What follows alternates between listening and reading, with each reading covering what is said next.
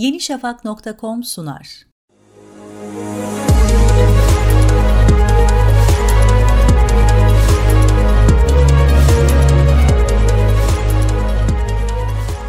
Son dönemlerde yaşanan siber saldırılar özellikle devletleri ve büyük şirketleri etkiledi.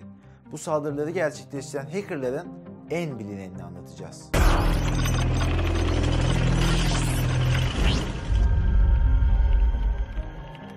Hacker, izinsiz olarak bilgisayar ve ağlara girerek bilgileri çalan kişilere denir. Hackerların ağlara ve sistemlere sızarak özel bilgileri çalma, sistemlere zarar verme gibi amaçları olabilir. Siber güvenlik camiasında hackerlar üçe ayrılır. Beyaz şapkalılar, siyah şapkalılar ve gri şapkalılar. Bu renk ayrımı eski kovboy filmlerinden gelir. Kovboy filmlerinde iyi adamlar beyaz şapka giyerken kötüler siyah ve keli şapka takarlar. Beyaz şapkalı hackerların bilgisayar güvenliği ile ilgilenme amacı diğer hackerlardan farklıdır. Güvenlik açıklarını aktif olarak keşfederek halkı bilinçlendirmeyi ve güvenliği sağlamayı amaçlar. Genel olarak hedefleri dijital dünyayı daha güvenli bir hale getirmek denilebilir. Siyah şapkalı hackerlar ise demin bahsettiğimiz gibi kötü adamlardır. Siyah şapkalı hackerlar genellikle güvensiz ağları ve bu ağların yöneticilerini hedef alır. Size bunları anlatmamızın amacı bilgisayar korsanlarından en meşhurunu tanıtmak için bir ön bilgi vermekti. Kevin Mitnick veya sanal ortamdaki adıyla Condor. 1963 yılında dünyaya gelen Mitnick'in siber dünyayı merakı çocukken başladı.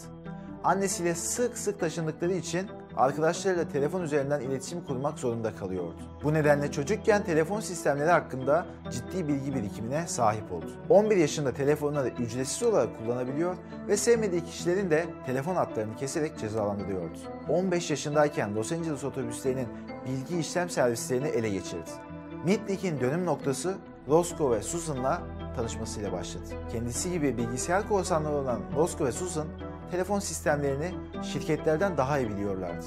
Yöntemleri arasında insan mühendisliği büyük önem taşıyor. Sızmak istedikleri sistemdeki insanları arayarak onlarla bir yetkiliymiş gibi konuşuyor ve kişisel bilgilere ulaşabiliyorlar.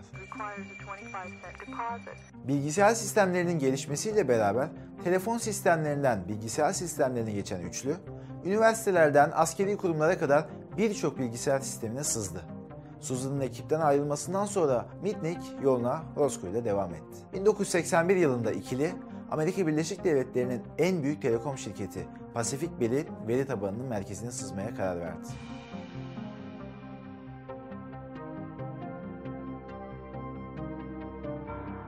İkili Los Angeles'taki merkezi sızmaya çalışırken bir ihbar nedeniyle yakalanarak bir yıl gözetim cezası aldılar. Bu cezalara aldırış etmeden bilgisayar korsanlığına devam eden Mitnick, bir üniversite sistemine sızdığı fark edilince 6 ay ıslah evinde kaldı.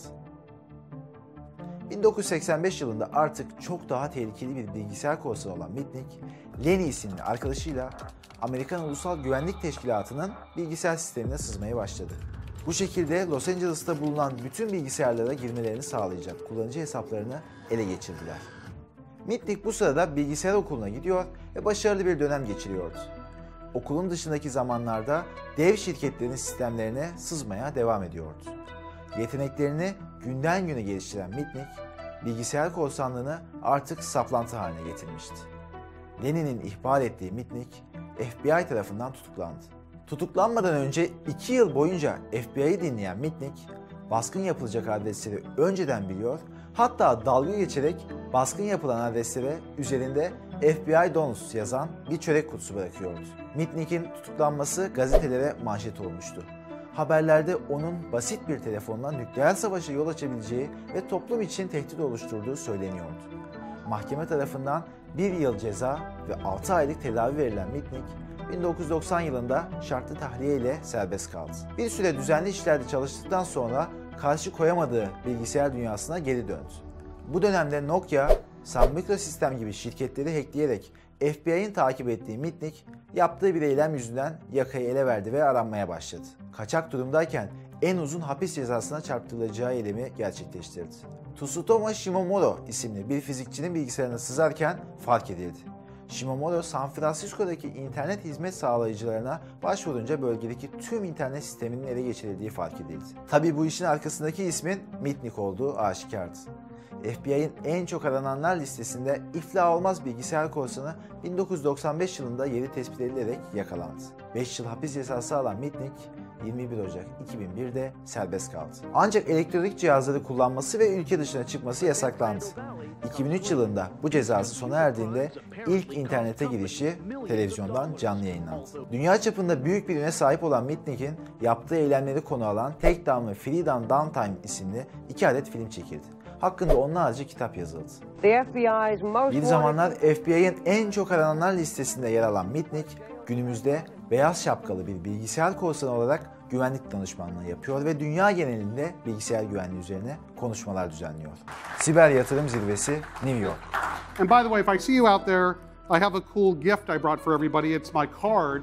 And what's unique about my card, it actually has a tool set. It's not dental tools, by the way. This is a lockpick set. Lock. So if you lock yourself out of your home or office, just think of Kevin Mitnick, and I'll open the door for you. Absolutely. Thank you. We, Mitnick'in çok ağır cezalara çarptırılmamasının sebebi veri hırsızlığıyla yetinmesiydi. Bu verileri kullanarak kişi ve kurumlara zarar vermediği için kısa süreli cezalar aldı. Tüm zamanların en ünlü bilgisayar korsanı olan Kevin Mitnick'i tanımış olduk. Siber dünyanın en tehlikeli isimlerini size anlatmaya devam edeceğiz. Takipte kalın.